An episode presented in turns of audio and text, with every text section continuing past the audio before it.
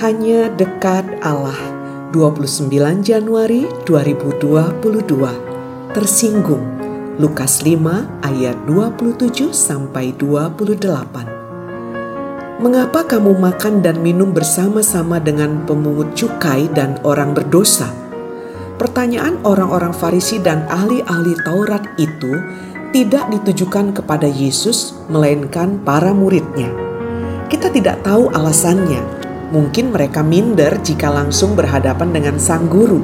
Bisa jadi karena belum ada kesempatan, karena Yesus ada di dalam bersama dengan Lewi dan pemungut cukai lainnya. Yang pasti, mereka heran mengapa Yesus tidak menjaga kekudusan dirinya, dan itu membuat mereka tersinggung, bahkan marah. Bagi mereka, kekudusan merupakan hal yang utama dalam hidup tindakan Yesus hanya menghancurkan tatanan. Dan tentu saja bisa jadi dalam pikiran mereka Yesus menjadi naik daun sedangkan mereka makin terpuruk dan dijauhi umat. Tanggapan Yesus sederhana, hanya orang sakit yang membutuhkan dokter dan dokter hanya mungkin menyembuhkan kalau dia tidak menjaga jarak terhadap pasiennya.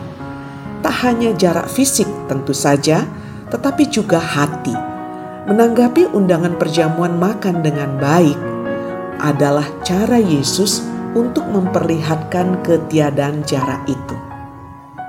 Selain itu, bagi Yesus, undangan Lewi tak mungkin ditolak. Bagaimanapun, Lewi telah menganggap dia sebagai gurunya. Masa guru menolak undangan murid? Terlebih motivasi Lewi hanyalah ungkapan syukur karena dia telah dianggap penting oleh sang guru. Dan bagi Yesus, kehadirannya dalam perjamuan itu juga memperlihatkan bahwa semua orang, juga para pemungut cukai, memang penting di matanya. Salam semangat dari kami, literatur perkantas nasional, sahabat Anda bertumbuh.